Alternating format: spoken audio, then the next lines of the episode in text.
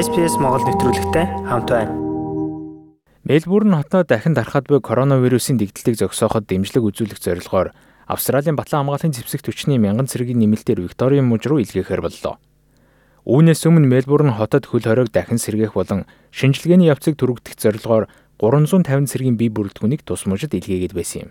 Эдгээр бие бүрэлдэхүүн олон янзын үүрэг орцтой байх болно гэдгийг Австралийн эрүүл мэндийн сайд Грег Хант хэлсэн юм. Виктори мужийн иргэдэд хамгаалах болон вирусын дархлыг зогсооход туслах зорилгоор энэ бүхнийг хийж байна. Тэдний хувьд тусгаарлалт, шинжилгээ, тусгай зэвүүдийн хяналт шалгалт зэрэг чиглэлд үүрэг оролцоотой байх болно.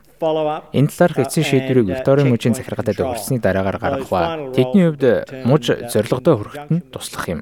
Өнгөрсөн даваа гарагийн байдлаар Викторийн мужид 177 халдварын тохиолдол шинээр бүртгэгдээд байна. Энэ нь өнгөрсөн 7 хоногт нэг өдөрт 288 тохиолдол бүртгэж байсантай харьцуулахад тархалт мэдэгдэхүйц буурс үзүүлэлт юм. Ийхүү нэг өдөрт бүртгэгдэх тохиолдлын тоо буурч буй нь олон нийтийн орчинд иргэд өөр хоорондоо зай барих болон гэрээсээ гарахгүй байгаагийн үр дүн ба энэ итгэх зүтгэлээ үргэлжлүүлсээр байх ёстой гэж холбооны болон мужийн захиргаа үзэж байна. Гэвч энэхүү өчүүхэн өдрөг орлогыг үл харгалзсан тархалтыг хяналтаа оруулсан гэж хэлэхэд хитрхи эрт байгаа гэдгийг Викторийн мужийн эрүүл мэндийн ерхий мэрэгжилтэн Брэт Сатан хэлж байлаа. Бидний явж үзэх би сэтгэл үеиг байгаагаа хэлхээсээ урьдж Бүтэн 7 хоногийн турш тархал буурсан тоо үзүүлэлтийг харахыг хүсэж байна. Иргэд олон нийт 7 эсвэл түүнээс ч олон хоногийн юм навч хэрэгжүүлсэн алхмуудын тусгалны юм. Гэртээ байх, өөрийгөө тусгаарлах, зохих ёсны дагуу шинжилгээнд хамрагдах, бусдад харилцах тохиолдлуудаа бууруулах зэрэг зааварчилгааг дагуул ямар эерэг үр дүн төрж болохын жишээний юм. Хүмүүс зөв зүйл хийвэл бид юун төрж чадахыг харуулж байна. Шинэ өмнөд Вэлс мужийн хувьд Сидней хотын баруун өмнөд дүүрэг болох Касуулад байрлах Crossroads зочд буудлаас улбаатай нийт 21 шин тохиолдлыг даваа гарагийн байдлаар бүртгээд байна. Мужийн эрүүл мэндийн яамнаас иргэдэд хандаж 7 дугаар сарын 3-наас 10-ны хооронд тухайн зочд буудлаар үйлчлүүлсэн иргэдийг нин дээр 14 хоногийн турш хувийн тусгаарлалт хийхин зэрэгцээ. Шинж тэмдэг илрээгүй ч гэсэн вирусын шинжилгээнд хамрагдахад уриалаад байна. Crossroads зочд буудлаас илэрсэн нэг тохиолдол нь 7 дугаар сарын 4, 9 болон 10-ны өдрүүдэд пиктэн зочд буудлаар давхар үйлчлүүлсэн болох нь тогтоогдоод байгааг нь. Хэрв дархалтын хандлага цаашид буурахгүй бол хөл хорионы хатуу дэглэм дахин шилжих магадaltaй гэдгийг шинэ өмнөд Вэлсийн хууль сахиулахын сайд Дэвид Элиот хэлж байна.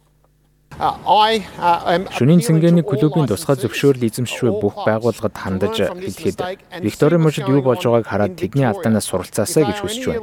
Шинэ өмнөд Вэлс муж коронавирусын ард гарсан гэсэн ямар нэгэн төөрөглийг тээж явбал тэд эндүрч байгааг нь хэлмээр байна. Хэрв энэ бүхэн тохиолдвол бид хөл хорионы дэглэмээ дахин чангах талаар авч хэлцэх болно. Нин ялангуяа үйлчлэгээний салбарынх нь маш хүн цохилт болно.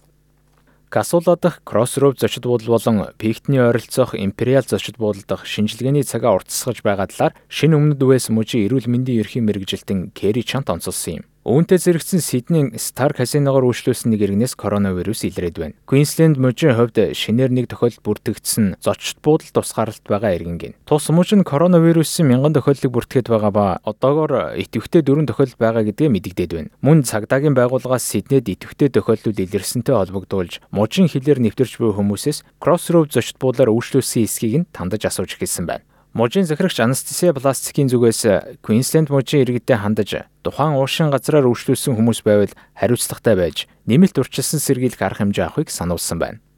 Тэгэхээр дээр хуушин газраар үйлчлүүлсэн иргэд байвал тэдний хувьд хийж чадах хамгийн чухал зүйл бол өөрийгөө тусгаарлаж шинжилгээнд хамрагдах явдал юм а. Тэнд байсан хэнийг ч бид орхитуулан үлдээхгүй байх нь нин чухал гэдгийг би онцолмоор байна. COVID-19 цар тахлын үеэр гадаадаас их орондоо ирж буй иргэдэн 14 хоногийн зочид буудлын карантины зарлаа өөрөө даах шаардлага тавьж буй хамгийн сүүлийн үеийн мужаар Адлейд тодроод байна. Одоогор дөрвөн гишүүнтэй гэр бүлийн нийт зардал 5000 австрал доллар болох гин. Шинэ өмнөд Вэлс болон Квинсленд мужуудыг даган гарсан энэхүү шийдвэр нь бямб гаргаас эхлэн хүчин төгөлдөр үйлчлэхээр болсон байна. Бидний хүссэн газраа сонсоорой. SBS радиогийн аппликейшнийг SBS.com.cg радио апп хаягаар татаж аваарай.